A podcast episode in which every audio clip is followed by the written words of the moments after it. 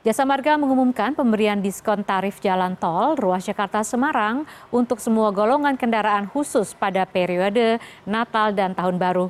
Diskon 10 persen akan diberikan pada 21 Desember mulai pukul 00 dan diskon akan berlaku untuk kendaraan yang tap in di gerbang tol Cikampek Utama sampai tap out di gerbang tol Kali Kangkung.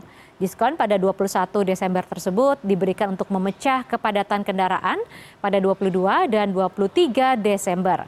Diskon tarif juga akan diberikan pada 28 Desember untuk memecah kepadatan kendaraan pada 30 Desember 2023 dan 1 Januari 2024 serta 3 Januari 2024. Jasa Marga menganalisis pemberian diskon tarif tol ini efektif untuk mengurai kepadatan kendaraan pada puncak masa mudik dan balik dengan berkaca pada penerapan serupa di periode Lebaran 2023. Kalau sebenarnya kalau secara luas betul Jakarta Cikampek, Palikanci, Semarang ABC dan Semarang Batang.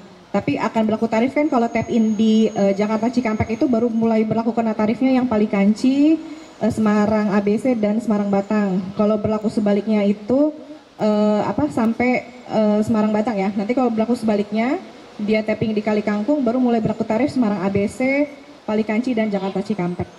Jadi nanti mulai akan berlaku 21 Desember itu kan berarti besok ya. Jadi mulai pukul 00 sampai 24.00.